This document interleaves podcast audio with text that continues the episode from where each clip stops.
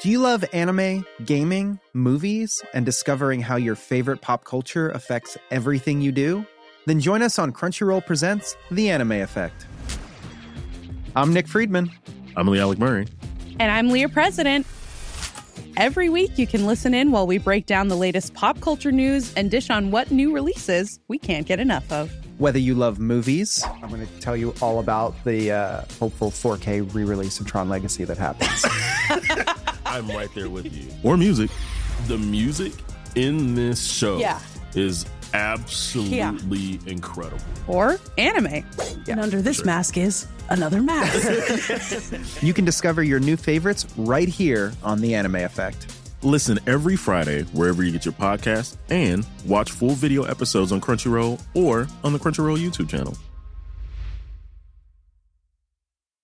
Hey, I'm Ryan Reynolds. At Mint Mobile, we like to do the opposite of what Big Wireless does. They charge you a lot, we charge you a little. So naturally, when they announced they'd be raising their prices due to inflation, we decided to deflate our prices due to not hating you.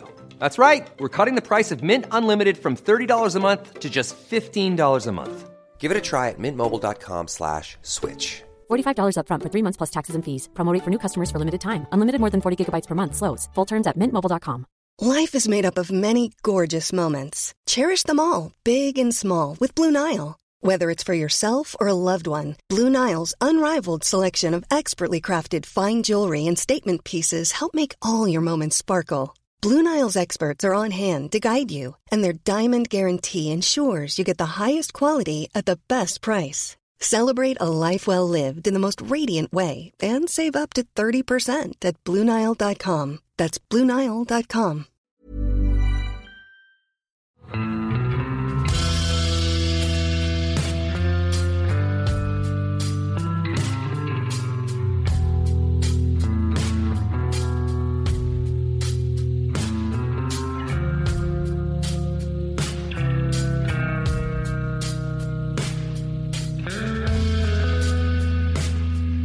Hei og velkommen til podkasten Uteliv.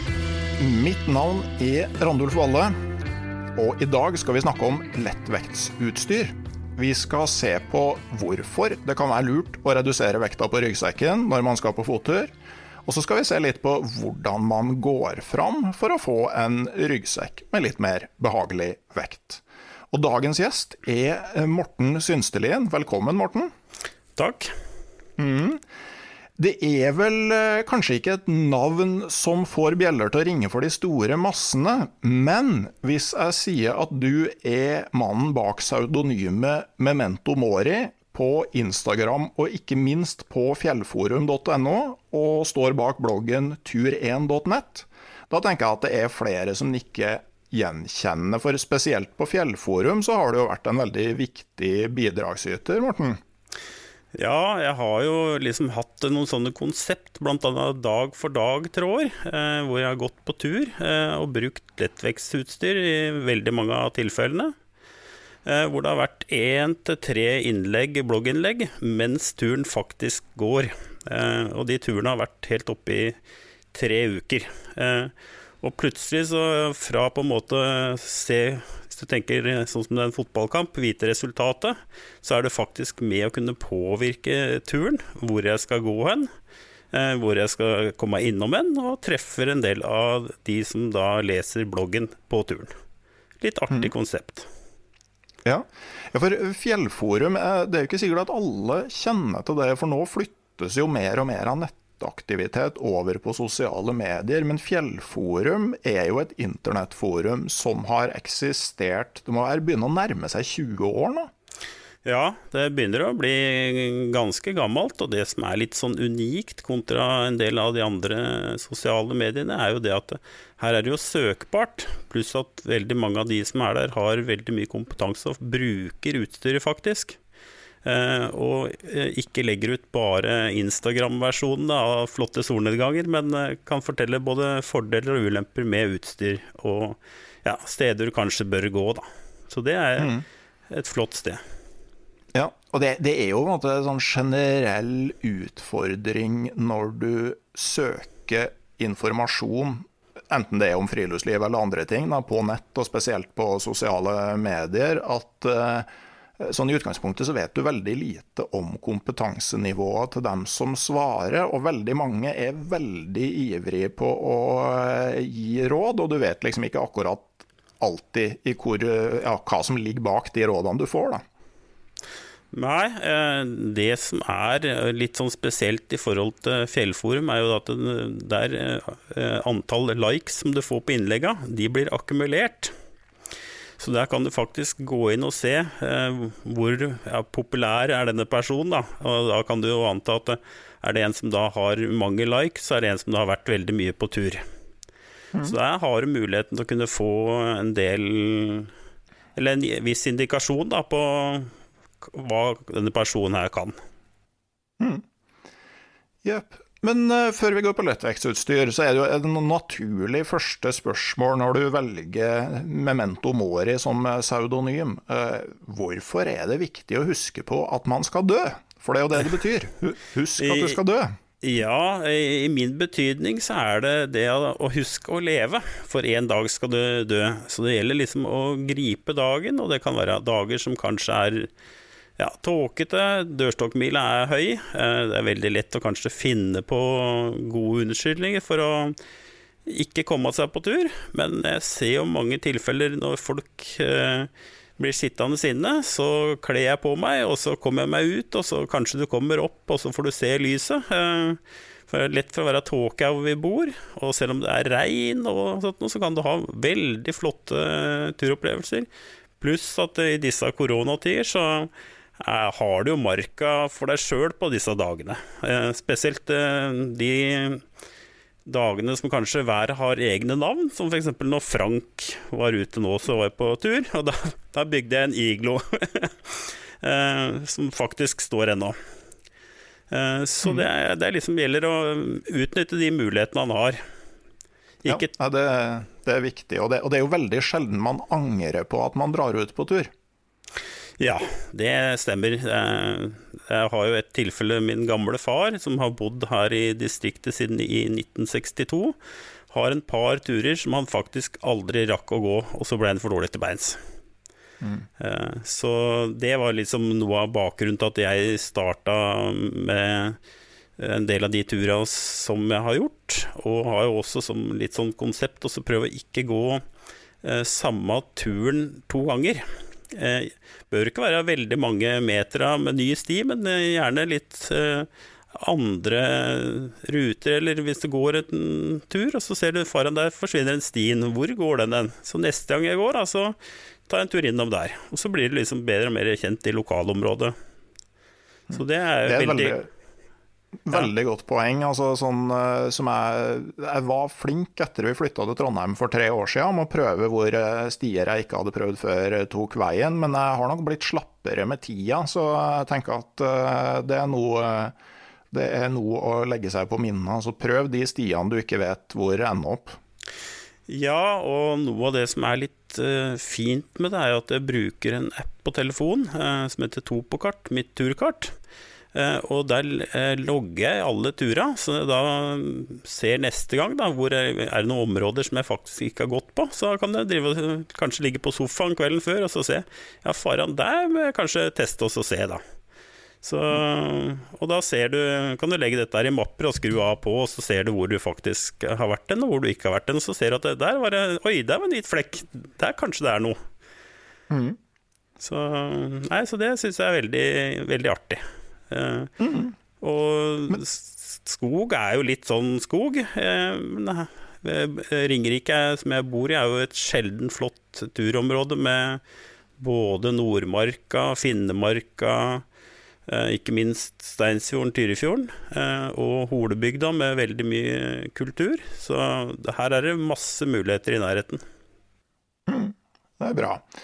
Men det vi skal snakke om i dag, er da altså det å Eh, rett og slett få en lettere ryggsekk når man skal på tur. Ehm, og ehm, det er jo noe som Fokus på vekt det er jo noe som folk har blitt mer eh, observante på de siste årene, og for din del òg, så, så, er jo det her noe som har kommet over tid, ikke sant? Kan du si noe om hvordan eh, du ble eh, interessert i det her med å pakke lett? Ja, er, Fjellforum har vel egentlig noe av skylda eh, på det, da. Eh, min sønn, som den gangen var 15-16 år i 2008, han hadde både jumpersni og rønnersni og hadde lyst til å ta en langtur dvs. Si ca. ei uke i høyfjellet. Eh, og kunne bære en sekk da på maks eh, sju-åtte kilo. Eh, resten av vekta måtte jeg ta, og han ønska at vi skulle ha med fiskeutstyr. Han ønska at vi skulle bo i telt. Hmm. og så begynte jeg å tenke på åssen i svarte skal vi greie å få til det, for vi må jo ha mat. Det var liksom en del av utfordringa. Og så kom det en tråd på Fjellforum som het Drømmeletsekk på sommeren. Eh, hvor alle sammen Det var jo da en imaginær eh, pakkliste, hvor folk kunne se hvor langt ned kan vi komme i vekt på en sekk på en tre til fem dagers tur. Hvilke utstyr er det som er tilgjengelig? Eh, og det, det var jo en tråd som var veldig populær, og folk begynte jo å gå rundt på nettet og se hva er det som fins. Og ja, hvis du bytter ut den jakka med den jakka, så sparer du fem gram liksom på slutten. Så var det jo litt sånn at til å begynne med så sparte de jo veldig mye vekt. Eh, og så fant de ut på enkelte steder faran eller her har vi spart for mye vekt. Eh, her mister vi komforten. Mm. Så det er liksom bakgrunnen som vi starta da i 2008 for å greie å få gjennomført den turen. Mm. Og, og, det slår meg at den historien eh, den har jeg på en måte hørt flere ganger. At for mange så er inngangsporten til det med lettvekt er faktisk det at du må. Bl.a. blant annet en god turkompis av meg eh, fra England, bosatt i Nederland, som var på en tur med meg. Han fikk en, en kneskade som viste seg å være noe sånn permanente greier. Han trodde han ikke kunne dra på tur mer, men det viste seg at så lenge sekken veide under 15 kg, så var kneet helt fint. Veide den mer enn det, så blei han dårlig i knærne i løpet av to dager. Og det var jo sånn som fikk han pensa inn på det med å, eh, å gjøre en innsats for å gjøre sekken eh, lettere. Og jeg tror det er en ganske sånn vanlig innfallsvinkel. Ja, jeg sitter med flere som har samme innfallsvinkel på det. Eh, og så er det noen som kanskje konkurrerer litt sånn seg imellom med kompiser og kanskje har lettest mulig sekk. Men eh, det er klart, vi som på en måte har blitt litt sånn tvinget inn i det, vi har nok kanskje hatt et litt annet fokus. og, og greier kanskje å ikke bare ta sekken når vi går, men tømmer den, og så ser vi hva er vi faktisk trenger å ha med på den turen vi skal gjøre nå. Er det en dagstur, eh, eller er det liksom en helgetur? Hvordan gjør vi dette her? Eh, så det å starte liksom en eh, tom sekk for hver gang, det kan være veldig, veldig greit. Mm. Og så ser en jo at altså, det er jo, Hvis man skal se på hva man oppnår, da, så tenker jeg at uh, altså, du kan jo både enten gå fortere, eller du kan gå lengre, eller du kan gå med mindre energiforbruk. Og jeg tenker Du kan jo i større grad nyte det å være underveis. Altså Forskjellen på at sekken veier 14 og 24 kilo, det, det har noe å si for, for opplevelsen din av å ferdes gjennom landskapet, tenker jeg. Ja, eh, og for min del så er jeg liksom Jeg har jo tre liksom sånne grunnlegger når jeg går på tur. F.eks. når jeg gikk fra Østfolds sydligste punkt og hjem. En tur da på tre uker, så hadde jeg det at jeg ikke skulle veie noe mindre eh, for hver morgen. Jeg skulle ikke være mer sliten, og jeg skulle ikke ha mer gnagsår. Mm. og hvis du på en måte greier å komme meg inn i den rutinen når du skal gå hver dag, som du ser liksom en del av disse som går f.eks. Norge på langs, at de går hardt i fire-fem dager, og så to hviledager. Mm. Eh, mens jeg har mer trua på kanskje ta seg tid, rusle sakte av gårde, og det er ufattelig hvor langt du kommer hvis du bare går rolig og tar deg tid, og kanskje prater med noen folk og får noen tips underveis.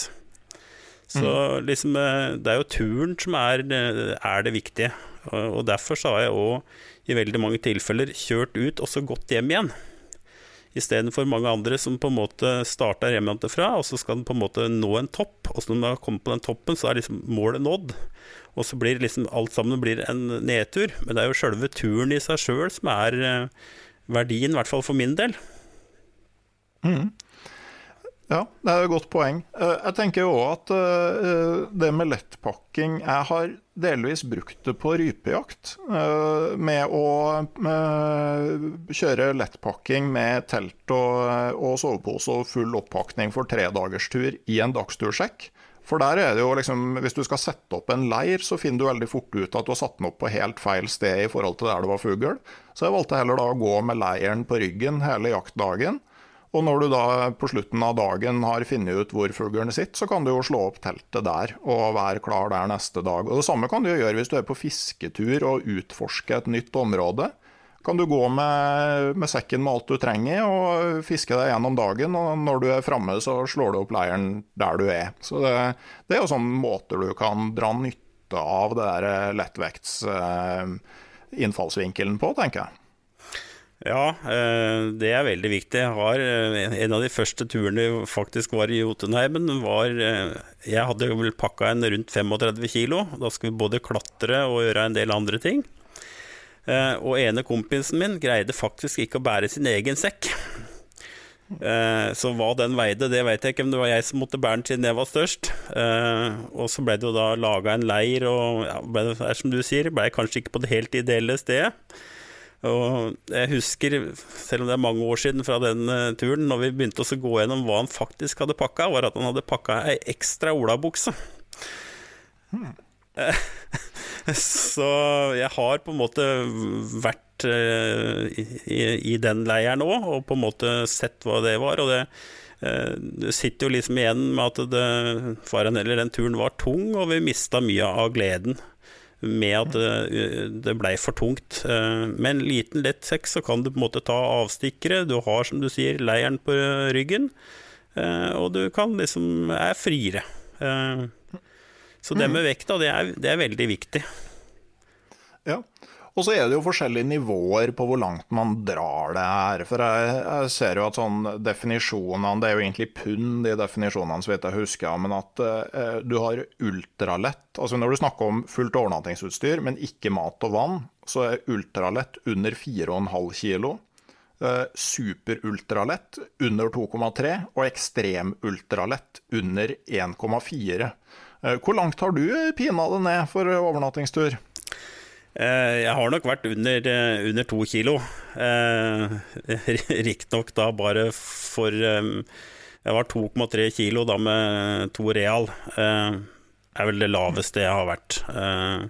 Og jeg kunne nok med det utstyret jeg har i dag, kommet enda litt lenger ned hvis jeg hadde behov for det. Men, men, det er jo sånn med en gang du på en måte er under 4-5 kilo, så har egentlig ikke vekta så, så mye å si lenger. For at du veit at det er lett nok. Eh, du har på en måte den psykiske fordelen. og eh, men du kan komme utrolig langt ned eh, hvis du bare tar med deg det du faktisk trenger.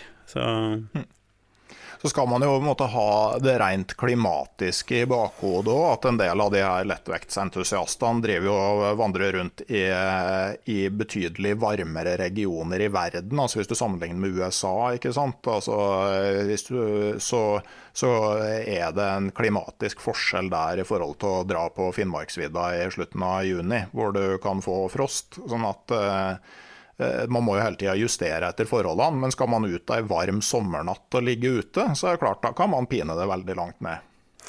Ja, eh, men jeg har jo lettveksttelt som jeg har ligget i f.eks. minus seks eh, kuldegrader.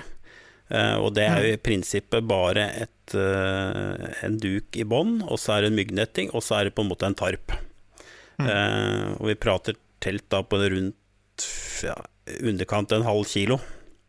Mm. Men, eh, men, jeg tenker soveposen vil du jo ha litt andre krav til i, i, indre Troms enn i Arizona på enkelte deler av året. Ja, eh, og det er jo noe av de tinga som jeg faktisk har bytta ut. For på et eller annet tidspunkt så kommer det over til det de kaller for stupid light. At ting blir faktisk for lett.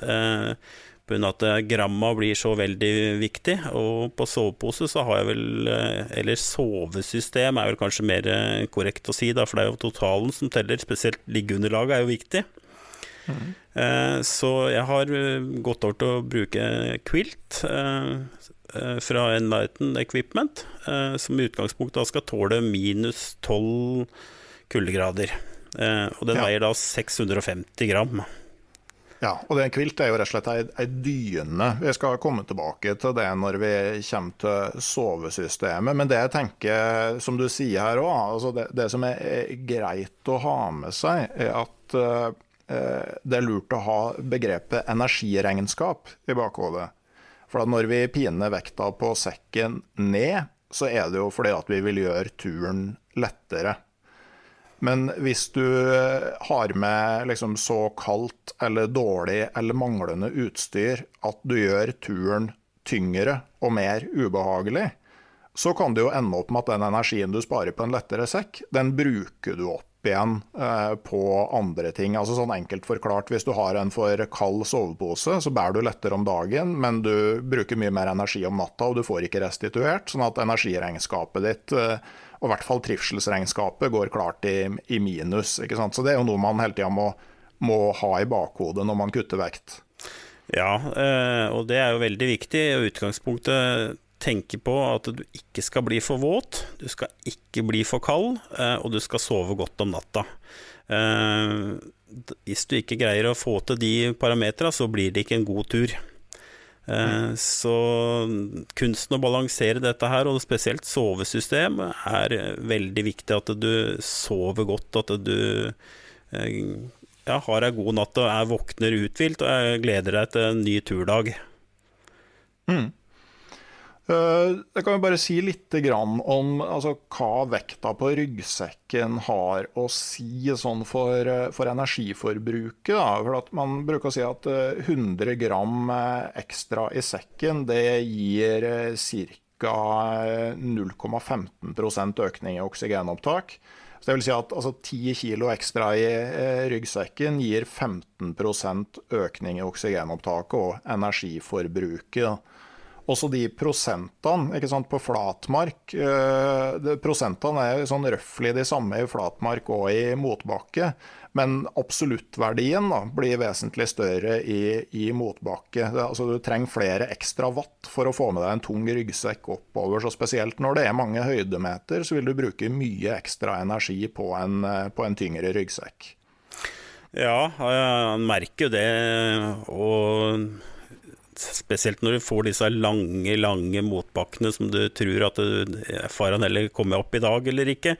Så er det jo litt sånn psykisk med å ha en litt sånn lettere sekk. Du veit at du har gjort det optimalt, og så er jo eh, noe av kunsten og så på en måte starte litt sånn rolig. og ta dette sakte og pent, og så kan du da tenke Når du passerer da ofte folk som går med tunge sekker, og så tenker du det at eh, han her kunne jobben meg kanskje lært bort litt, og noen ganger så stopper det, og så blir det en liten prat, og så skjønner de ikke det at det, den ryggsekken jeg har, at jeg er faktisk på flere ukers tur med den lille det som de oppfatter som en dagstursjekk.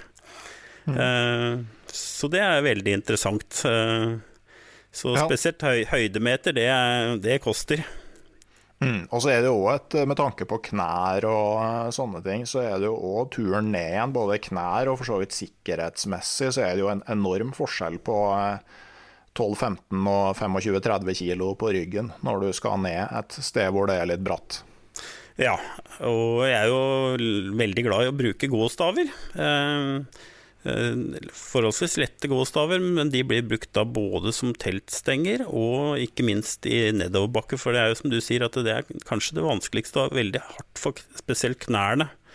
Eh, og særlig når du da skal gå mange dager i strekk, så er det viktig å ta vare på hele kroppen og at du har knær som holder. Så, mm. så, det med gåstaver men det er litt sånn uh, I Norge så er det liksom gåstaver Det er liksom litt gamle folk som bruker det. Men uh, du sparer både knær, og du får brukt mer av kroppen.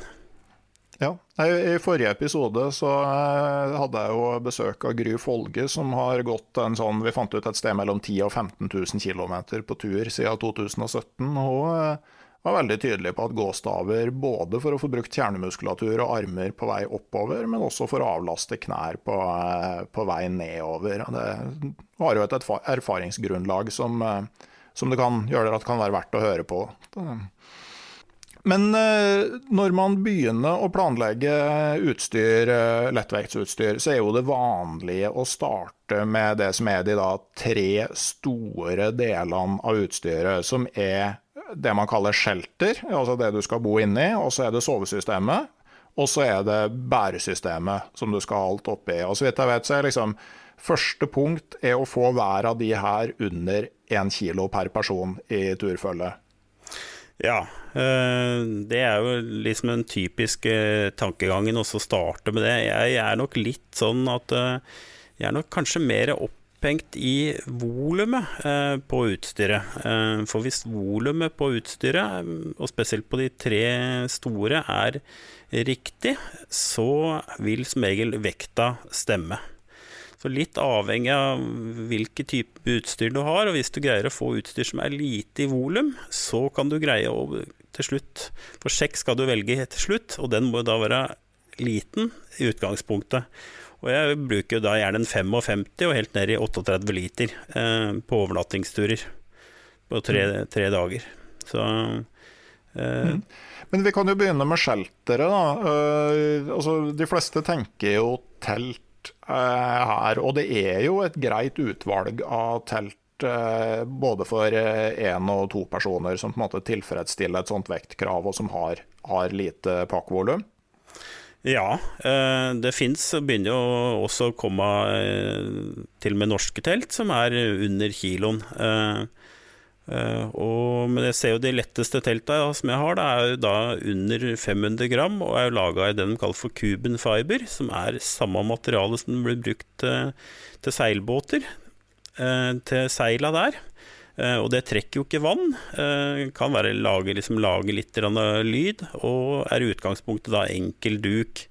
Men eh, det blir på en måte tenk en tarp med myggnetting og et gulv.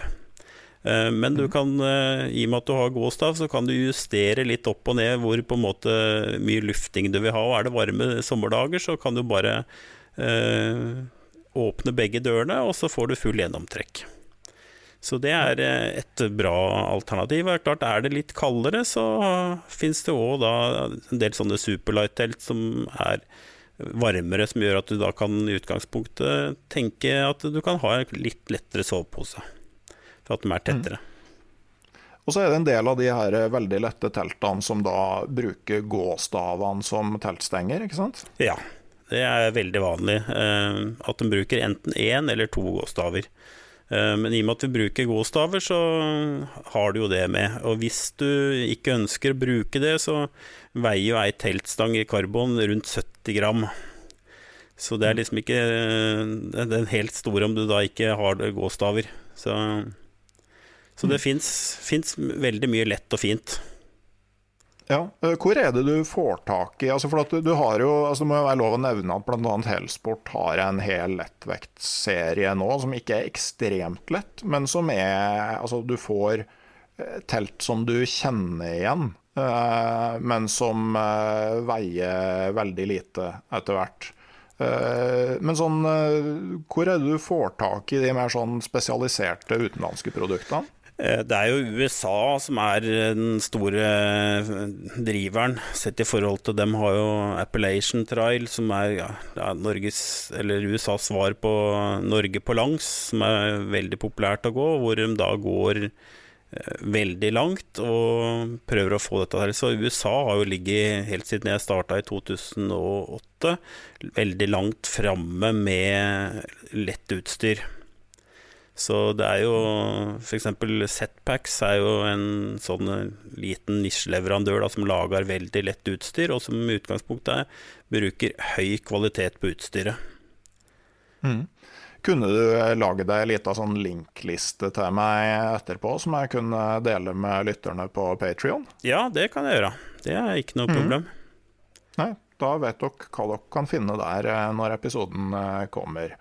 Um, Så, men hva slags avveininger er det du eh, gjør på teltet? Altså sånn uh, vindstabilitet, uh, værbestandighet, sånne ting. Altså, er det store forskjeller?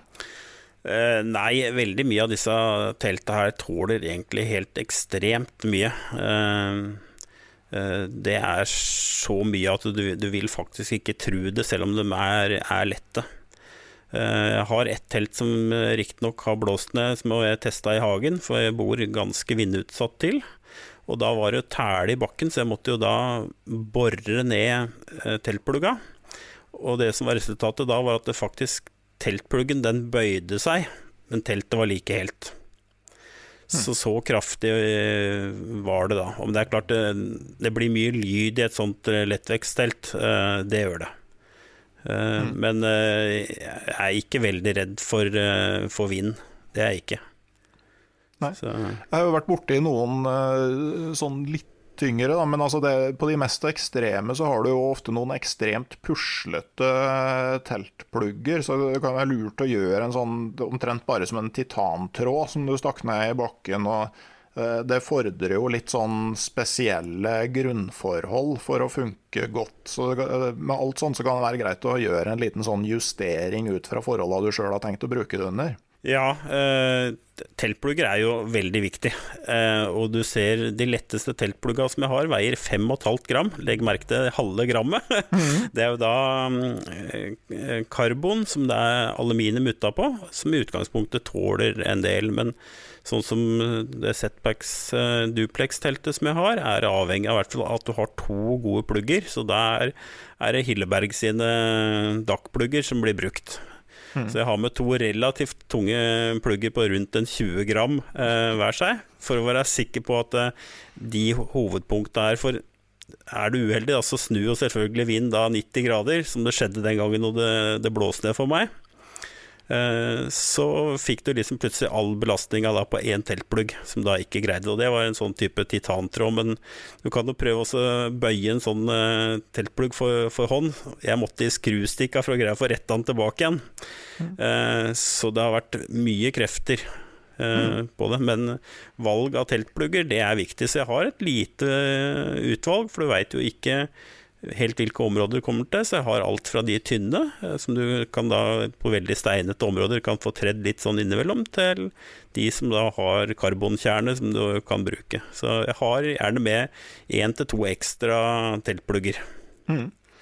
Og så Litt ut fra hvor du er på tur, da, så er det jo ikke sånn at man alltid må ha telt. Altså, eh, Mange sover jo rett og slett under en tarp, under en eh, presenning. og Da kan man jo pine seg enda litt lenger ned i vekt.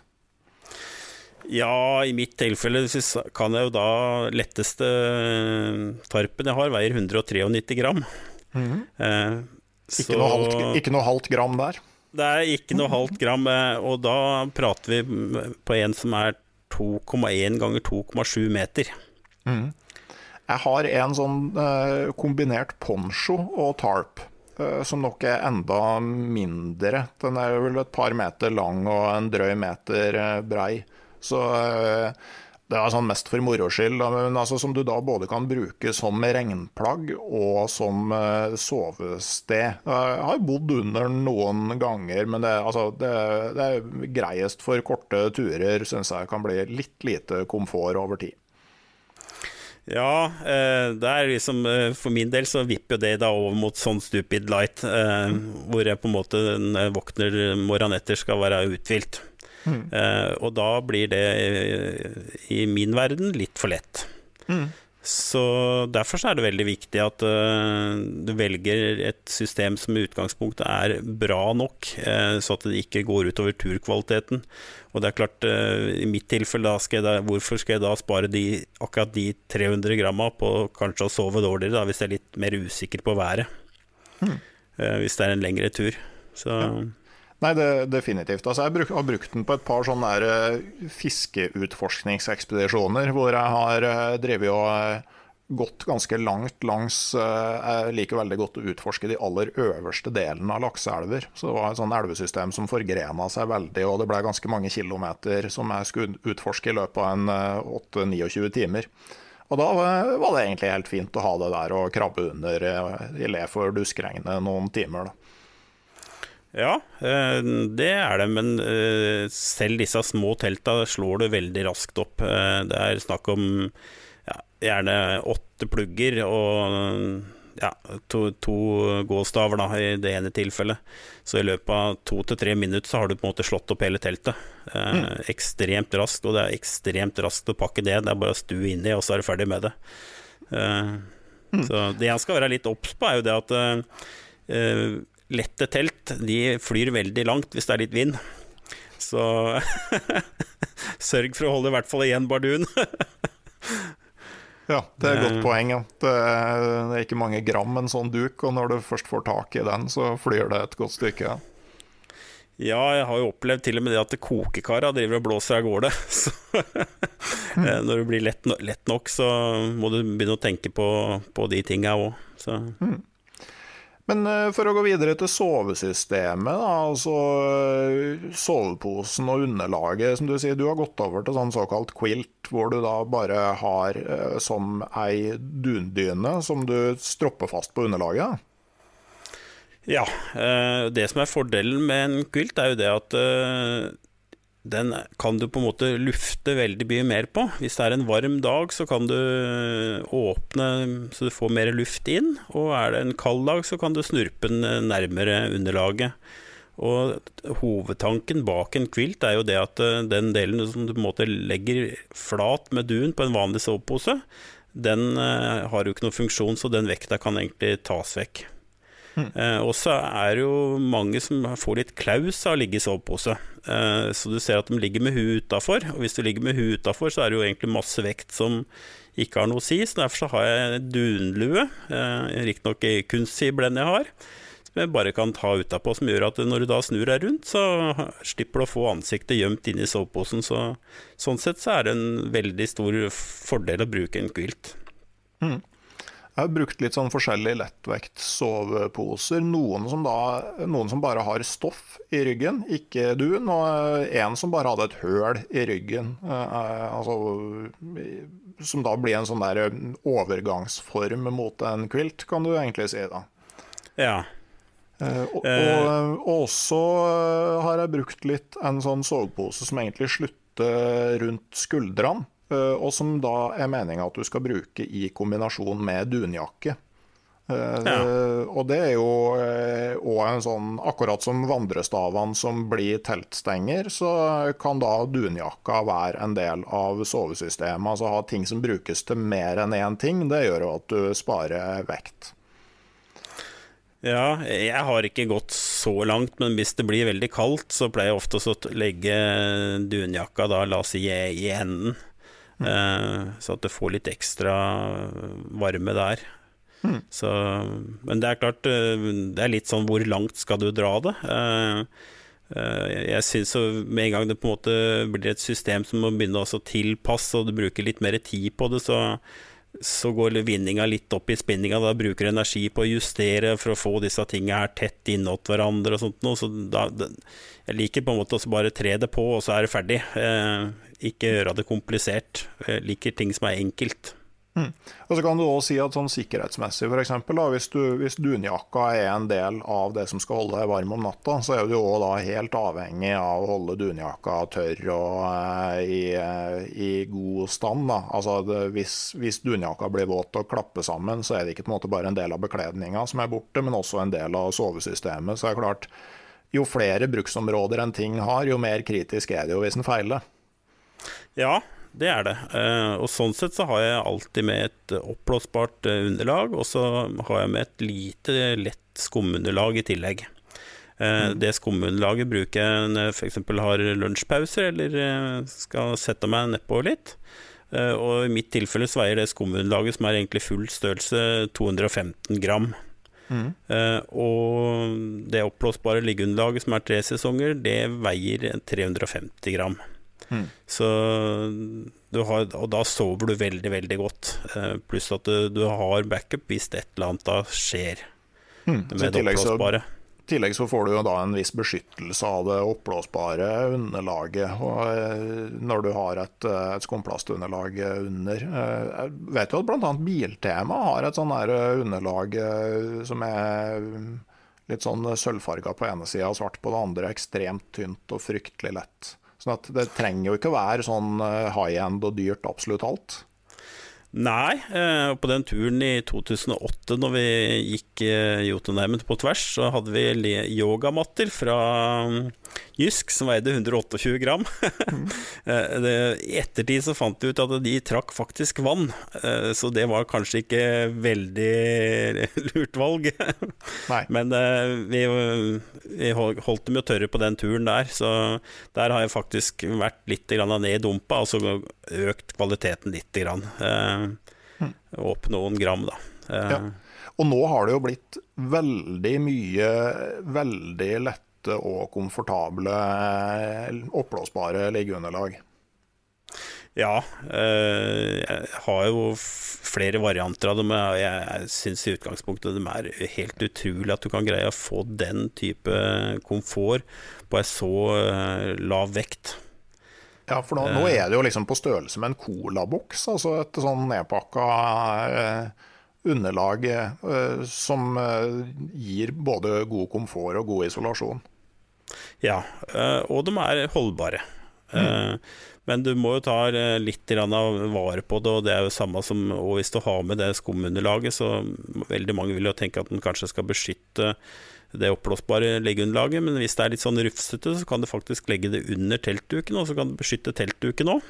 Ja. Eh, så, så det er litt sånn viktig å eh, tenke litt på det, at dette her er ikke tungt militært utstyr som skal tåle en krig. Eh, kanskje bare ta en titt, se ligger noe glasskår her, eller ligger, et eller annet, så du er sikker på at du ikke ødelegger det, det utstyret. da.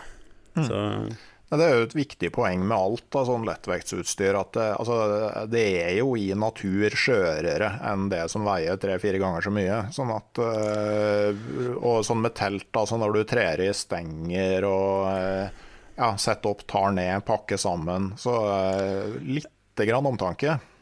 Ja, men jeg er ikke helt enig med deg, faktisk. Mm. Eh, hvis du tar eh, de telta som Setpacks har, da, Duplex, som kanskje er det som er mest kjent i verden, eh, så blir det sagt at det har ei levetid da på eh, ca. én truehike, dvs. Si ca. 180-200 overnattinger. Mm. Eh, og det er jo folk som har brukt det teltet da 450 overnattinger. Mm. Så at eh, et lettvektsprodukt i utgangspunktet har lavere holdbarhet enn et vanlig telt, det er jeg ikke helt enig i. Ok, Nei, men Det er interessant. Eh, jeg skjønner at det er en teltprodusent jeg må, må, sjekke ut. Altså Min erfaring er jo egentlig mer med de lettvektsvariantene fra mer sånn etablerte eh, produsenter. og Det er kanskje annen materialbruk der? Ja, det er klart. Eh, hvis du begynner å sjekke hva kvadratmeterprisen på Cuban Fiber er, så ser du jo fort at uh, dette går faktisk ikke an å selge gjennom et vanlig system. Du må gå rett fra produsenten, hvis ikke så vil prisen bli altfor høy. Mm. Så du får, får, ikke de der tilfellene som du kan se på en del av de superlight-telta, hvor du nå har fått tredd Teltstengene teltstengen gjennom, som plutselig teltstenga kommer ut av kanalen. Uh, det er like kjedelig hver gang. Uh, ja, så det... konstruksjonsmessig eh, gjør at det, det tåler veldig mye. Mm. og det er klart, i og med at man da kan bruke dette her til spinnakere og i, på seilbåter, så er dette ting som tåler veldig mye, og du kan prøve med en spiker og dra. Det ligger en del flotte ting på bl.a. YouTube hvor de tester eh, hva dette her faktisk tåler. Da.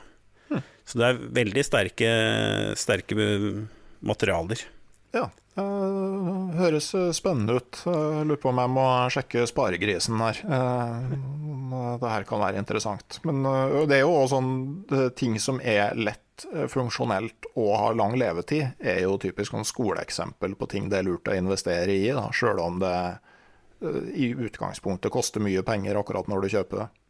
Ja, eh, det er klart skal du langt ned så i vekt, så blir det kostbart. Eh, og særlig i og med at du ikke har noen som forhandler i Norge, da. Så, men det er klart, kjøper du et telt til 7000 kroner og du bruker det 200-400 døgn, så blir jo ikke prisen per overnatting så veldig ille.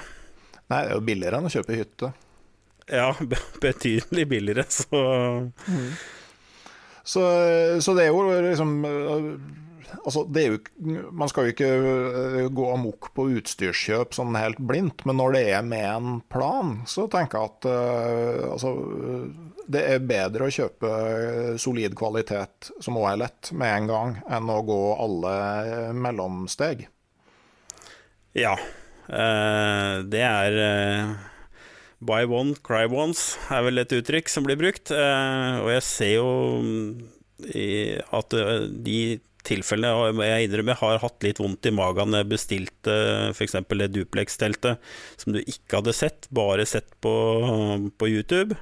Eh, og skal liksom starte opp med dette her, men så ser jeg at faren heller Dette er jo et telt som har havna på i hvert fall min evig-liste, og jeg har jo drevet og testa ut mye, mye utstyr. Mm.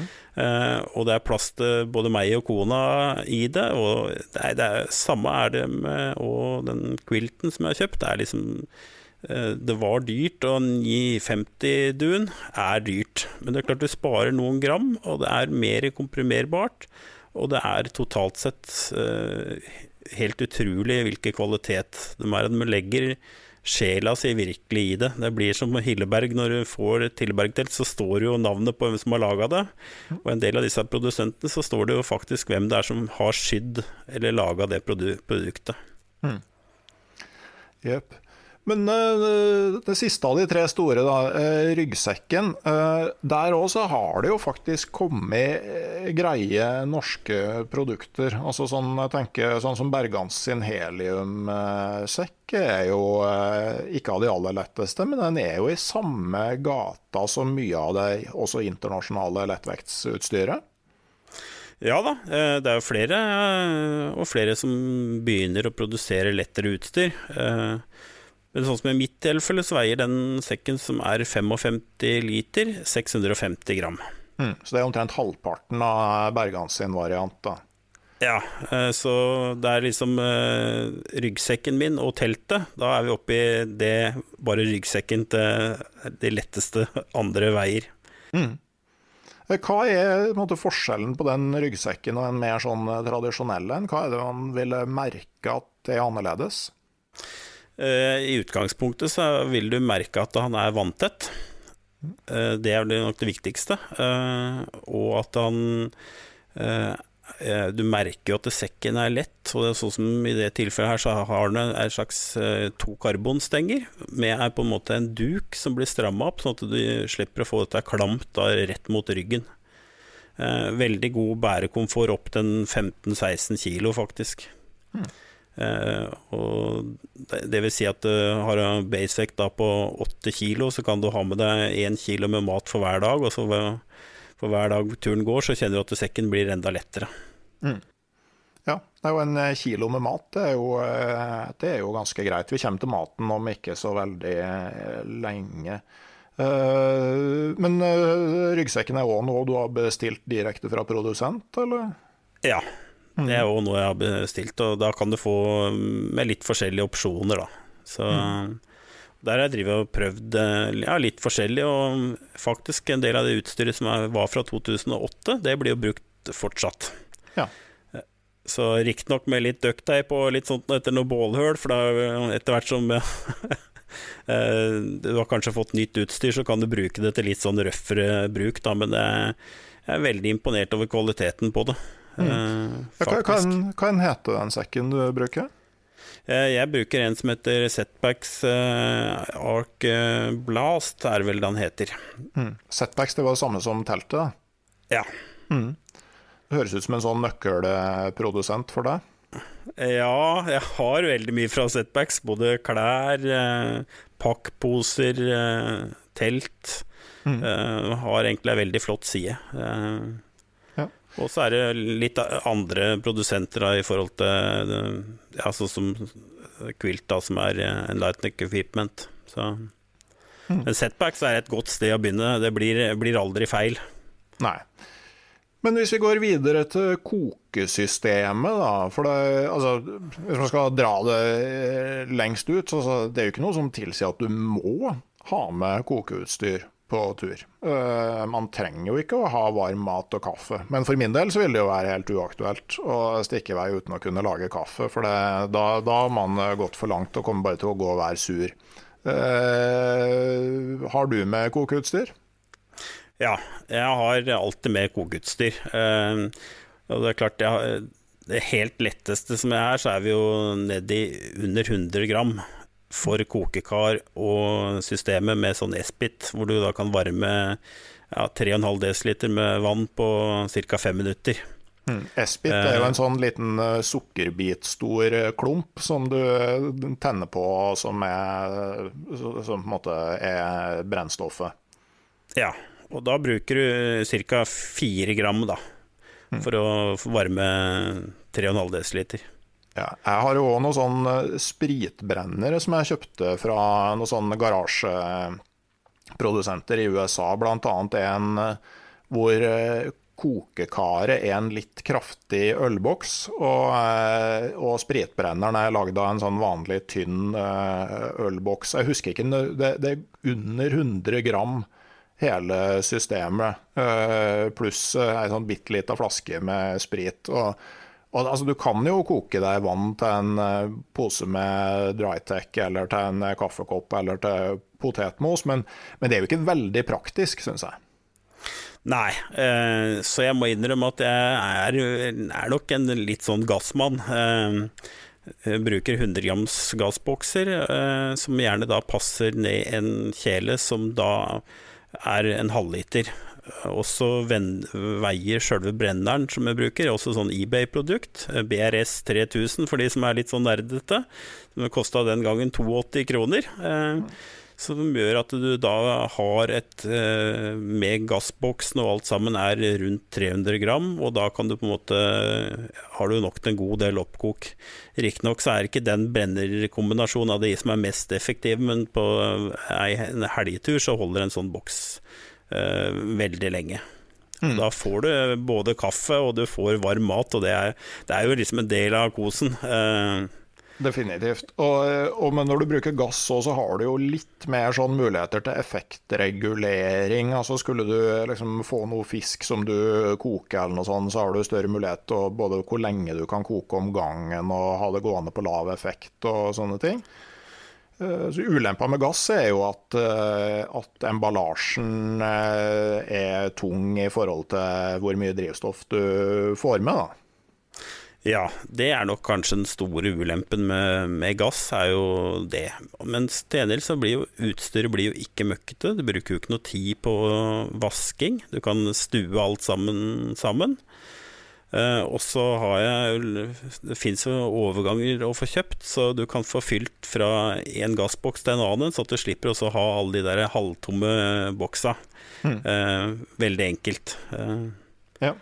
Uh, vær obs på når de driver og fyller over sånne rester at du antagelig får veldig mye butan etter hvert, når du uh, tar uh, ti nesten tomme bokser og fyller opp i til én. Ja, jeg er klar over det. sånn at ytelsen i, i kulde vil nok bli litt sånn begrensa etter hvert. Ja, så derfor så blir jo de boksa som du på en måte lager av rester, de blir brukt på sommeren mm. når det er varmt. Og så bruker du originalbokser ellers.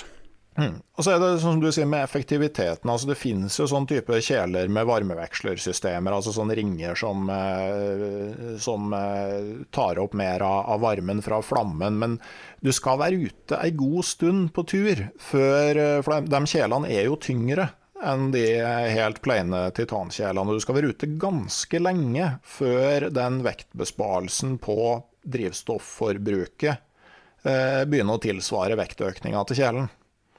Ja, det stemmer. Mm. Men jeg må jo si, på den treukersturen som jeg starta da fra Østfold og hjem, så hadde jeg med en Jetboil. Og jeg brukte én 230 grams gassboks på en treukerstur. Mm. Ja, det er ikke mye. Nei. Eh, og da jeg var i Oslo, så var jeg møtte en fra Fjellforum som gjerne da ville gjerne tok med en gassboks, men så var vi inne på postkontoret, og så veide vi gassbokser. Det er ikke helt vanlig å gjøre, men så fant jeg ut faran heller, denne her holder hjem. Så tenkte jeg nei, jeg er tøff nok, jeg tar sjansen. Ja. Eh, og jeg hadde gass igjen. Så, så de er jo supereffektive på, på langtur. Så det å velge en kjele som er brei istedenfor lang og smal, det er viktig. Tell me about it. Uh, vi gjorde den tabba da vi gikk eh, New Zealand på langs. Uh, brenner som spretter flammene, og smal og høy kjele. Og jeg begynte å måle på det etter vi kom hjem, for du har jo på en sånn følelse at det her tar lang tid. Eh, og etter vi kom hjem, eh, så vi jo at eh, her har vi søla bort kolossalt mye drivstoff på, på å varme opp luft. Jeg har lagd en artikkel om akkurat det her med kjelestørrelse og flammeform og koketid. Jeg kan legge ut den til følgerne på, på Patrion, for det er ganske interessant å se hvor mye det har å si. Eh, Men så er det jo òg det at eh, sånn, eh, å tenke litt på kokesystem og mat samla, så går det an å kombinere vedfyring, altså at du fyrer bål når, du, når det er fint vær og gode forhold, og så har du kokeapparat som du bruker til til regnværsdagene, og så kan man òg time litt, sånn at man velger liksom riktig middag til riktig eh, tid. Da. Altså det som skal koke i 20 minutter, det tar du når du har eh, bål, og så tar du det som kun skal kokes vann til på regnværsdagen når du bruker brenneren. Ja, eh, valg av matsystem påvirker egentlig ekstremt mye. Og det er klart, skal du lage veldig mye mat fra grunnen av, og du er, hvis du er på høyfjell og du ikke har f.eks. bål, så er det jo veldig viktig at du har noe som er effektivt. Og så er jo kombinasjon da med gjerne mat som skal koke litt lenge, du får litt fisk som du skal steike. Eh, Du skal koke litt kaffe, og så få det der helt ideelle kokesettet. Det har jeg drevet og leita lenge etter, og finner ut at det fins egentlig ikke. Men det er jo mange kombinasjoner som er ganske nære, da. Og så er det jo litt sånn Lars Monsen-stil at eh, du kan jo bruke kaffekjelen til alt, men da liksom blir det en blanding av fiskesmak og kaffe og havregraut eh, etter hvert. Og det er klart, er du lenge nok på tur, så funker jo det, men eh, for min del så syns jeg det blir kanskje litt, litt vel ekstremt, så jeg prøver å ha dele dette her litt opp. Men selv om det utstyret er ganske lett, altså, så, går det an å ha med. Trange har f.eks. knøttsmå panner som gjør at du da kan få stekt det der fiskestykket. Da. Så Nei, for, det, for det er jo et litt sånn poeng òg. Altså, du, du trenger ikke være hardcore lettvekt på absolutt alt. Men hvis du liksom tar Hvis du pine, eller sånn, får unna vekt eh, i det store og det hele, så kan du jo ha én eller to eh, poster på pakklista som du prioriterer at er tyngre, enten det er fotoutstyr eller fiskeutstyr eller det er mat, eh, for den saks skyld. da. Ja, eh, og det er viktig. Og så er det jo viktig på en måte å se på helheten, for det er jo helheten du faktisk putter på ryggen. Eh, hvor mye veier sekken idet du faktisk tar første steget på turen? Eh, og det er jo liksom litt sånn klassikeren eh, på veldig mange som reiser på tur, er at eh, den pakker sjekken, gjør alt ferdig og veier og finner ut at søren, denne blei veldig lett og fin. Og så stopper de gjerne da på butikken før de skal på tur, og så kjøper de litt ekstra godis og kanskje noen ølbokser og litt sånt, og så putter de dette her oppi. Eh, og så har du kanskje da en sekk som utgangspunkt eh, eh, burde være ganske lett, og som du da har putta på en del ekstra, så at du er litt eh, gjennomtenkt. Eh, hva du putter oppi den sekken, det, er, eh, det betyr mye. Eh, Og valg av, av mat jo, betyr jo også veldig mye, da. Eh, Ja, hva du, eh, hva du bruker å ha med av mat, du, på sånne turer? Jeg pleier gjerne å ha en kombinasjon. Jeg kan gjerne starte f.eks. ta med en Fjordland som jeg har første dagen.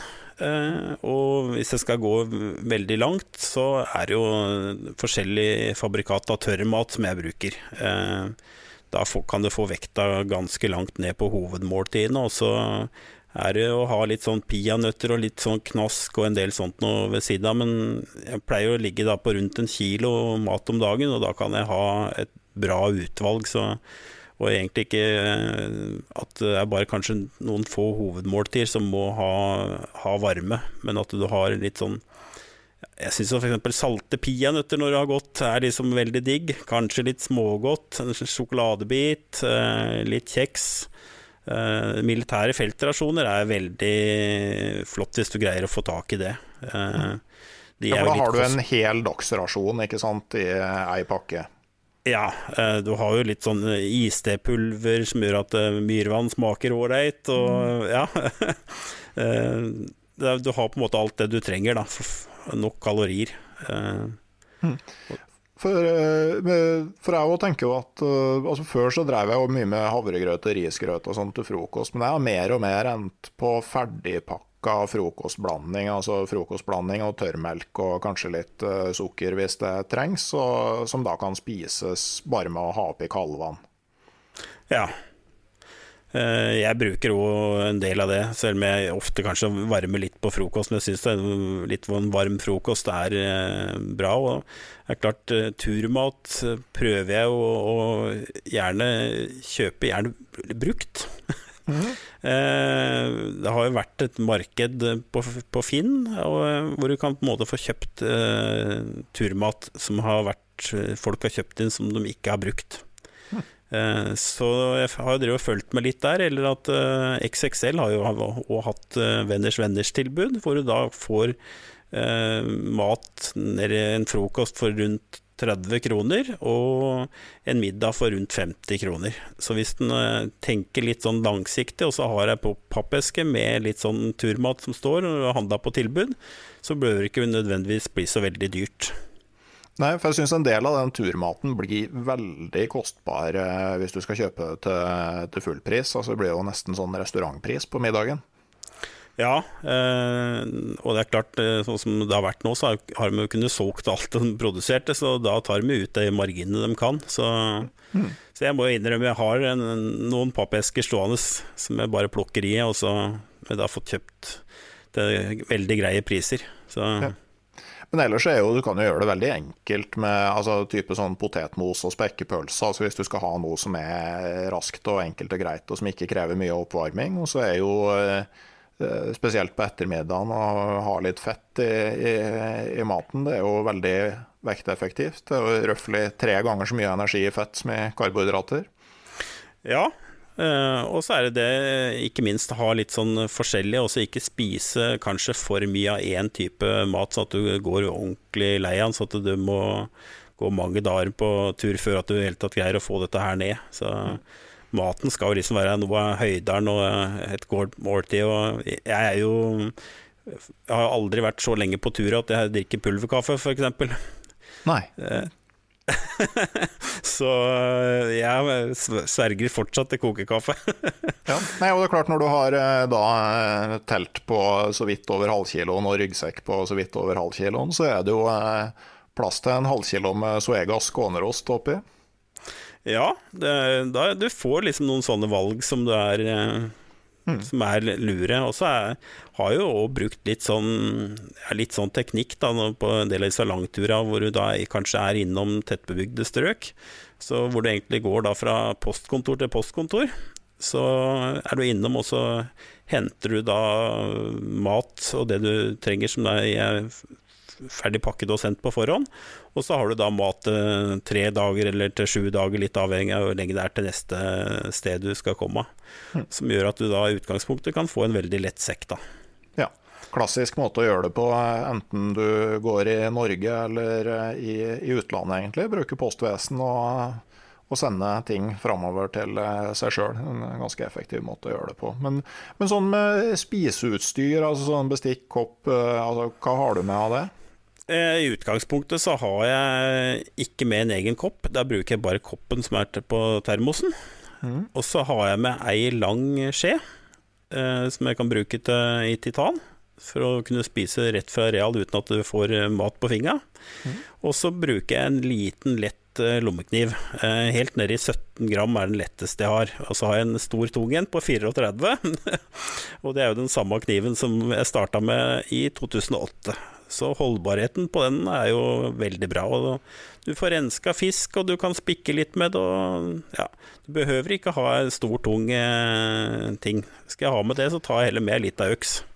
Ja, og, og, det er liksom eh, sånn typisk når du kommer over på de sånn mindre eller andre tingene. Altså det er jo en veld... Altså hvor ofte trenger du egentlig en diger, tung tollkniv, eller for ikke å snakke om en, en eh, samekniv? Altså sånn, hva er det du har tenkt å bruke det til? Er det litt sånn viktig å tenke på? For jeg hadde jo, har jo en sånn liten foldekniv som jeg i fjor vi eh, fileterte en sju kilos laks med en med bladlengde på fire centimeter, eller noe sånt. Og det Eh, og mye av det du bruker kniv til på tur, da, du trenger ikke en stor tålkniv til det. Nei, det er som regel bare å snitte opp små ting. Eh, så, og mange har jo ledd veldig av denne kniven. Ikke koster den uh, veldig mye heller, men uh, til sånn type bruk så er det mer enn godt nok. Mm. Så det å tenke funksjon, det er hva du faktisk skal bruke den til, det er viktig. Ja. Nei, og Det blir jo det samme òg. Du kan tenke at det er lurt å ta med øks, for da kan du kløyve ved og fyre bål på de dagene hvor det er dårlig vær. Men så kan du tenke altså, hvis du har med propan tilsvarende vekta av ei øks, da kan du fyre ganske mange regnværsdager, altså. Ja, det kan du. Mm. og du har det vesentlig tørrere og varmere og igjen, ikke sant. Hvis du baserer deg på veldig mye bålfyring, og så må du drive ute i eh, regn og kulde og lete etter ved og forberede fyring og sitte ute i regn og lage mat og sånne ting. Det er fort mer energiforbruk på det enn på å bære litt ekstra gass. Ja, eh, det er jo det ene tilfellet. Og det andre tilfellet som det har vært eh, en par somre nå, er jo det i hvert fall i Sør-Norge hvor det har vært ekstremt tørt. Mm. Hvor du faktisk ikke kan fyre bål. Mm. Uh, og noen ganger så har det vært sånn at du nesten så vidt kan bruke apparat som går på gass. Mm. Så jeg, ja, jeg må innrømme at jeg bruker eh, mye gass, selv om jeg syns bål kanskje er mest koselig. Men det er kanskje litt uh, avhengig av når på året jeg går tur. Så, så fins det jo fine vedbrennere, da, faktisk. Små og lette. Som du, eh, altså sånn, eh, gjerne lagd i stål eller titan. Eh, som gjør at du har mer kontroll på bålfyringa og trenger veldig lite ved. Ja. Jeg har jo vært såpass heldig at Tom42 på Fjellforum Han har skjenka meg en sånn liten om. Mm. Veier sammenleggbar, veier nesten ingenting. Laga av skikkelig gjenbruk av gamle malingsspann og til og med med grillrist. Uh, og du blir veldig forbausa hvor lite pinner du skal bruke. For det er jo sier at det er en kvistbrenner, men det er jo sånne små, tynne pinner. Og mindre pinnene er, jo raskere fyrer du, og du får ganske fort god varme i den kaffekjelen. Hmm. Så det bruker jeg òg på noen turer. Ja. Uh men uh, hvis vi går videre på det med, med klær, da. Um, der er det jo for mange mye å spare hvis man liksom er vant til å bruke sånn trelags skallbekledning året rundt, f.eks. Ja. Uh, gjerne ha sånn som jeg har bukse da, som du kan uh, zippe off, så at du i utgangspunktet kan få en, uh, ta nederste delen ved knea, og så kan du ta uh, av øverste delen av beina, så bare får shorts. Jeg er jo samme bukse. Uh, relativt lett, og de holder eh, ganske lenge, så lenge du ikke på en måte skal drive gå sånn jaktgåing, da. Så, og gjerne mange tynne, lette plagg. Og så er det litt sånn Har du f.eks. to fliser, da, så ta så vei dem, og så tar du med den letteste. Mm. og bruke da og gjerne ha ei god rastejakke uh, i dun, da. Uh, det er jo veldig gull verdt. Så at når du får en stopp, så trer du bare denne rastejakka ut av på alt det andre du har, og så har du en god rast. Så, mm. så lette klær uh, er viktig. Samtidig så er, skal det òg være litt obs på at en del av de som lager disse her, er hvor folk har blitt helt ekstreme, som en del av de verste i USA er. Så dere må se bare på vekta, ikke på, på funksjon. Så du kan jo få kjøpt f.eks. ytterjakker helt uten lommer. Men det, det, er det letteste du får tak i. da Det bør jo kanskje være ei lomme da som du kan ha mobiltelefon i, om ikke noe annet. Uh, ja, nei, det, det, er klart. Og, og litt sånn der eh, med hette uteløsning, eh, den lang nok over, over ermene, eller er ermene lang nok, og altså der å ta høyde for eh, de forholdene man kan, eh, kan møte på, med, med både skallbekledninga og det du skal ha under. Ja, eh, og det er viktig at du har et system som du veit vet funker, at du da ikke, ikke blir våt. Og en del av de stoffa som er i bruk, som er kostbare, puster jo ufattelig godt. Og jeg hadde jo en dag hvor jeg gikk i kontinuerlig regn eh, på den turen fra Østfold, hele dagen, eh, og var faktisk liktørr om kvelden. Men det er klart, det er, det er kostbart eh, utstyr, men det puster. Mm. Uh, Ja. Nei, Og så er det òg noe å tenke på at uh, mange som er på den lettvektstankegangen, er jo det som man eh, i USA kaller, i USA kaller true hikers, altså som er ute og går en lang tur, hvor du liksom går om dagen, og så med en gang du er ferdig for dagen, så kryper du i teltet og legger deg og hviler og sover, og så begynner du å gå igjen neste dag. Eh, Hvis du bruker den lettveksttankegangen til en mer sånn til en fisketur, f.eks., så må du huske på at du kommer fram, og så vil du kanskje ha av deg svette klær og ha på deg noe tørt mens du skal ut og fiske. Og så må du fortsatt på en måte ha et reservesett som du kan sove i om natta. Sånn at du, du ikke ukritisk kopierer kleslistene til andre uten å tenke gjennom hva du sjøl skal gjøre. Ja, eh, jeg har jo alltid et sånt eh, sett som jeg kaller alltid tørt. Eh, som jeg da annet bruker når jeg skal sove. Uh, så at jeg har Jeg veit at jeg har, uh, har tørt tøy. For det er klart, eh, blir du kald, så er det ikke veldig gøy. Det, og det kan jo faktisk bli livskritisk eh, hvis du er på rette turen. Og det, det er jo noen morgener jeg må innrømme at når eh, tøyet ditt da kanskje har blitt rått eller vått, og så, så ta på seg det kalde tøyet Når du da har på deg tørt tøy i de første metra, da kan være litt sånn eh, ekle. Ja, det, det er ikke høydepunktet på dagen å, eh, å liksom kle på seg de våte klærne fra i går eh, for å spare det alltid tørt laget, nei. Det, men du angrer jo enda mer hvis du ikke gjør det. Ja. Eh, og derfor så er jeg enig at jeg, når det er sånn uvær at eh, Sånn som når Frank var nå, så var jeg ute og bygde da den igloen og testa en del utstyr, og var søkk kav blaut uh, når dagen var over, da, etter å ha vært stått i regn og sludd og, og bygd en iglo. Eh, og da var jeg faktisk så våt at jeg til og med måtte bytte underbukse. Så det å få på seg tørt tøy da, det er veldig bra. Riktignok da må jeg innrømme at jeg hadde med et ekstra sett, så jeg hadde tre sett med bekledning, så at jeg skulle ha noe å gå på da hvis uh, dette skulle skjære seg. Og jeg var ikke så veldig langt fra folk, da, men uh, det å teste dette her ut, ut, og du kan gjerne teste veldig mye av dette utstyret hjemme i hagen uh, når det er litt sånn uvær. Både telt og sovesystem, og hvis dette ikke skjærer seg, så er du kanskje da ti meter inne, og så er du, kan du sove resten av natta i senga di. Så det er jo test, testa mye. Ja, nei, det, er jo, det er jo viktig, og spesielt når man begynner å, begynner å bruke annen type utstyr enn man har gjort, at man eh, eh, skjønner at altså, det kan kreve eh, noe annet av deg som bruker. Eh, og det, det gjelder jo bl.a. klær, da, hvis du, hvis du eh, kutter veldig mye vekt og går på nye produkter. Ja. Så jeg, Derfor så tester jeg jo veldig mye av dette her egentlig på dagsturer eller kanskje overnattingsturer, og så ser jeg hvordan det funker. Eh, det gjør jeg. Og mye sånn telttesting foregår da i hagen hjemme. Eh, Og gjerne da med mens det er snø og blåser så det ljomer, så har jeg jo testa, testa det og fått egentlig veldig mye god erfaring på sånn, kall det nesten hjemmetesting, da. Ja, Eh. hadde fantastiske forhold for det der da jeg bodde i Hammerfest.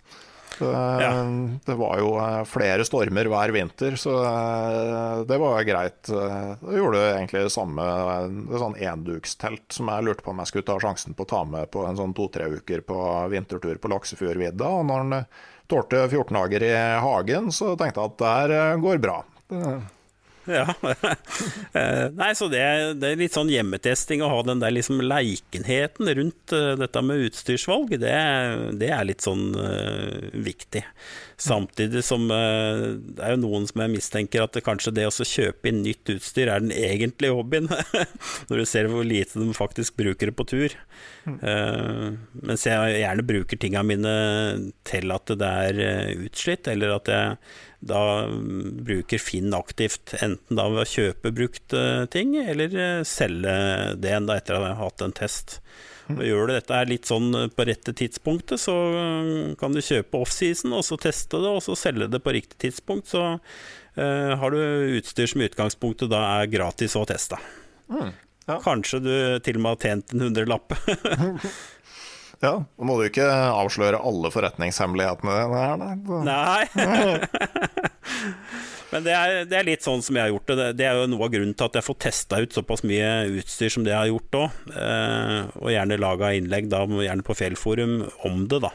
Eh, med litt mål og vekt og sånt noe. Det er jo kanskje en ting vi òg kan komme inn på, er jo eh, når du begynner å sammenligne og skal se på hva er det som faktisk et telt veier, så ser du at noen produsenter faktisk har begynt å flytte f.eks. barduner og eh, dertil hørende plugger over i utstyrsposen, sånn at det letteste versjonen av teltet blir lettere.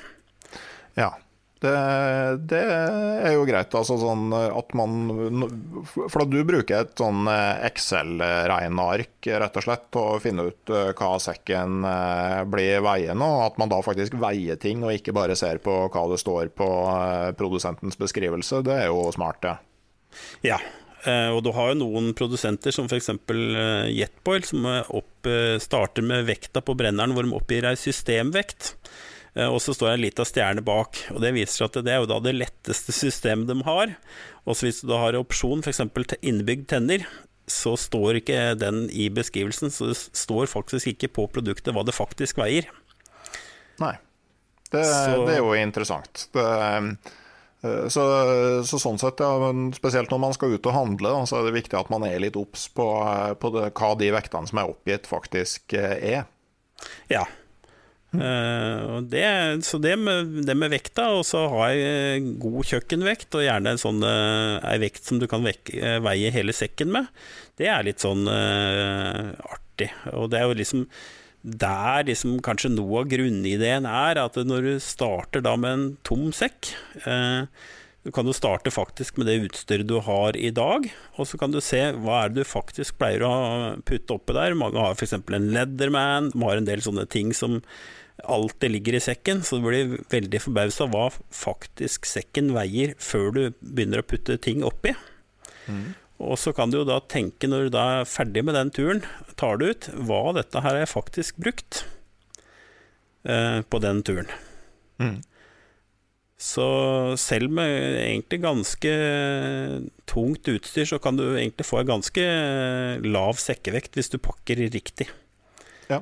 Har et bevisst forhold til hva du velger å ta med. For at det er jo liksom etter du har vært gjennom de sånne store tingene som eh, Altså de tre store da, og kokesystemet, maten og klærne. Så er det kanskje at liksom den virkelig sånn der disiplinøvelsen begynner, da. At eh, på å være bevisst på hva du tar med utover det her. Ja. Eh, og i veldig mange tilfeller, hvis du sier at du da tar de tre store, og så veier du, eller kanskje fire da, hvis du tar med sekken, så i mange tilfeller så vil jo det veie kanskje bare 25-30 av totalen hva den ryggsekken veier når du har den på ryggen.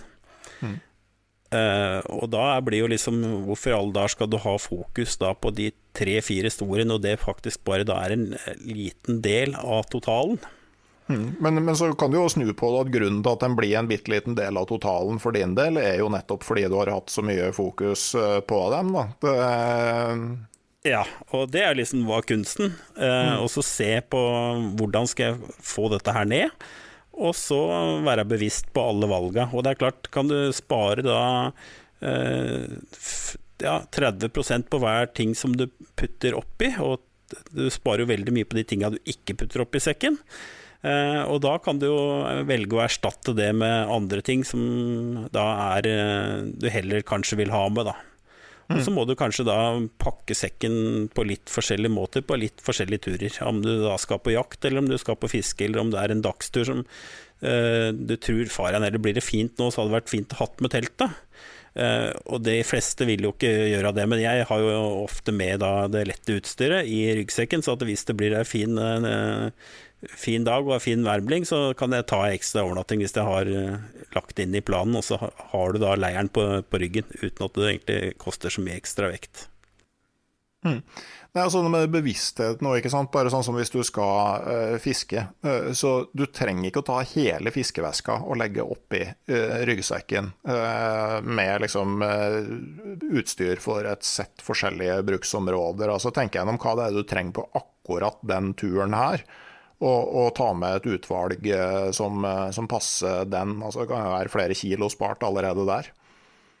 Ja, eh, så det er fiskevekt, og sluker er jo tungt. Mye metall, så jeg har et lite, lite lett system. eh, som er akkurat stort nok til å ikke få altfor mye fisk, men at du kan få eh, kanskje det du trenger. Så Nei, for det er jo som du sier, sånn som Leatherman, altså på enkelte turer så kan det være greit at én i turfølget har det, f.eks. når du driver med ski og isbår og en del eh, sånne ting. Men det er jo slett ikke alltid at du eh, nødvendigvis har noe eh, behov eh, for det. Eh, men så er det jo der eh, vi snakka så vidt om med holdbarhet. For jeg gjorde jo en episode med Børge Ausland her før, ja, i, på slutten av fjoråret. Og der var jo liksom ekspedisjonskriteriene var jo lett og funksjonelt, og altså at det må holde hele turen. Det var liksom eh, Børge sine kriterier. Men eh, tenker eh, Når du skal mer sånn på tur lenge om gangen, da, så er kanskje det, man må ha litt større krav enn at det holder hele turen. men men sånn bortsett fra teltet òg, altså du, du opplever at lettvektsutstyret har ganske grei holdbarhet? Ja. eh, og veldig mye av det kan faktisk repareres med teip. Eh, så hvis du er uheldig og får et lite høl, så kan du bare ha med tre gram teip, og så kan du faktisk teipe det, og så er det like solid som det var nytt, for det er jo teipa fra fabrikk. Eh, så nei, holdbarheten på det er egentlig noe av det som kanskje har forbausa meg mest, hvor lenge det faktisk holder. Eh, Så veldig mye av det er jo Og det er klart det er mulig at det blir mindre belastning på det. Eh, En sekk som i utgangspunktet da får 15-16 kilo, enn en sekk da på 25-30 kilo. Som gjør at eh, alt sammen i utgangspunktet da blir eh, nedskalert, så at det faktisk tåler den vekta det er. Og så er det klart det er bedre materialer. God tråd, ordentlig sydd. Det er liksom ikke masseprodusert på den type som en del av en del sånne produsenter da gjør, og setter dette her ut til det, kanskje det store utlandet. Så, så, nei, så kvaliteten på det er veldig bra. Og så er det jo en del som spør liksom om det er med sikkerheten når du eh, går ned den eh, lettvektsveien. Altså sånn, har du eh, Forsaker du ikke sikkerheten når alt skal være så lett?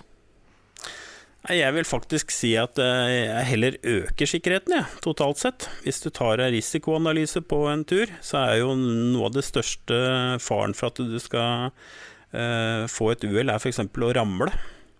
Eh, at du sklir. Og hvis du har en tung ryggsekk, så er det mye større sjanse for at du faktisk da skader deg, eller at du vrikker noe, eller slår noe, enn hvis du har en lett sekk. Så jeg, jeg er ikke enig i det at utgangspunktet at du forsaker noe på sikkerheten. I min mening så er det faktisk motsatt. Ja, og du har jo òg betydelig raskere mobilitet. Altså hvis, det, hvis noe skjer, så altså sånn, komme deg ned fra eksponert terreng før været setter inn og sånne ting. Altså, du, det er jo noe med det òg. Ja, og så har du mer overskudd. Du er ikke så sliten. Eh, du er gladere. Eh, du ser lysere på livet. Eh, så alt i alt, å ha en lettere sekk gir deg veldig mange, mange fordeler. Og én ting som vi foreløpig ikke har snakka på, som er en stor fordel med lett sekk, er jo at du klarer deg med lettere sko. Uh, og, og, det er jo faktisk helt sant at uh, en kilo på føttene tilsvarer røftlig fem kilo ekstra i ryggsekken. Så det å Altså, når du har fått ned vekta på sekken, så, så se på fottøyet og tunge bredstøvler med feste for stegeren. Det, det, trenger du veldig sjelden når sekken veier under 15 kilo. Ja, eh, der er det veldig mange som har, eh, har funnet ut det at eh, lette, gode sko er veldig godt å gå på. I mitt tilfelle så sliter jeg litt med beina. Veldig lett for å få gnagsår og så det jeg må innrømme at jeg bruker veldig tunge sko, eller relativt tunge sko, for å ikke få gnagsår. For gnagsår ødelegger egentlig turen. Så er, jeg har ikke funnet egentlig noen joggesko som i utgangspunktet syns har funka for min del. Så der synder jeg. Uh, men eh, jeg har funnet ut at uh, skal jeg komme meg på tur og uten å ødelegge turen med gnagsår, så må jeg bruke de skoa som faktisk passer bra. Mm. Og så er det, spesielt hvis du da går aleine, så syns jeg det er godt å ha god ankelstøtte. Uh, går du på stier som det er veldig mye folk og sånt, så, så blir det noe annet. Mm. Jeg har endt opp med litt sånn type terrengjoggesko, som jeg syns er både veldig behagelig å gå i, og som gir sånn som jeg ser det, nok både støtte og beskyttelse av foten i det meste av det jeg går i av terreng, når jeg går med såpass lett sekk.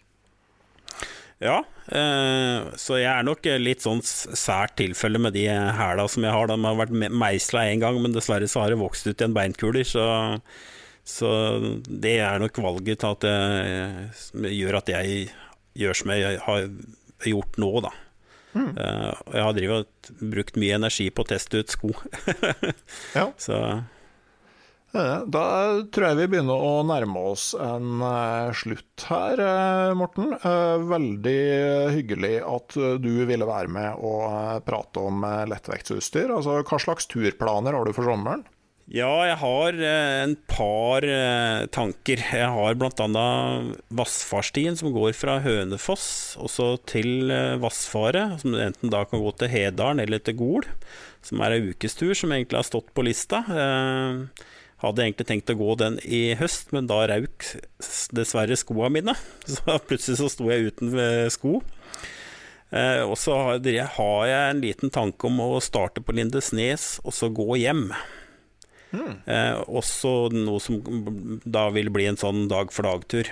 Eh, men den ruta ser litt sånn krevende ut. Eh, og det er en del vann nedover i Telemark som gjør at du må ta noen bestemte valg, og det er lite ruter å gå. Og så vil jeg gjerne prøve å unngå å gå på vei.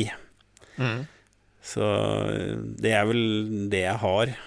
Ellers er det jo lokale turer jeg og nye steder jeg har som, som planer om å gå. Så. Mm. Og så er det jo litt sånn uh, i disse koronatider, da, hvordan, uh, hva, hvor, hvordan får vi mulighet til å bevege oss? Blir det, noe begrenset? Det er jo nok greit å ha flere planer og flere tanker for den uh, sommeren her. Jeg tenker at Hvis vi får noe i nærheten av sommeren i fjor, så skal jeg være kjempefornøyd. Ja da, uh, og det er jo I og med at jeg bor sånn til som jeg gjør, så har jeg jo egentlig unike muligheter innafor en time. Mm. Uh, det er og, uh, og, det har jo faktisk de aller fleste av oss. Det gjelder bare å finne dem. Ja, og det er ikke mange meter jeg skal gå herfra for å faktisk treffe på litt skog og litt nye stier. Mm. Nei, det... Hvis du snakker noen hundre meter, så er du faktisk i Nordmarka. mm. Nei, men det er bra. Eh, da kommer det litt eh, linker til eh, spesialisert lettvektsutstyr for dem som følger podkasten Uteliv på Patrion. Det er plass rundt det leirbålet på Patrion til flere. Der kommer også jeg til å legge ut eh, noen utstyrstester av lettvektsprodukter som jeg har eh, prøvd, bl.a. telt, soveposer, underlag og kokeutstyr. Bl.a. den ølboksspritbrenneren som jeg snakka om, hvis noen eh, syns det høres besnærende ut. Har du lyst til å lese mer om hva Morten Synstelin driver med, så kan du jo gå inn på Fjellforum og søke etter Memento Mori. Eller du kan gå inn på tur1.net, eller finne Memento Mori på Instagram. Er det flere kanaler du bruker, Morten? Ja, jeg, jeg bruker også Marka-databasen eh, som Skiforeningen har. Som jeg også legger ut en god del bilder ja, og tekster. Eh, Så det er også et sånt eh, litt sånn hobbyprosjekt som jeg har på si. Mhm. Da skulle dere ha eh, mer enn nok å eh, ta dere til ei stund eh, framover. Og når dere har kost dere med det stoffet her ei ukes tid, så kommer det plutselig en ny episode av podkasten Uteliv neste fredag. Ha det bra!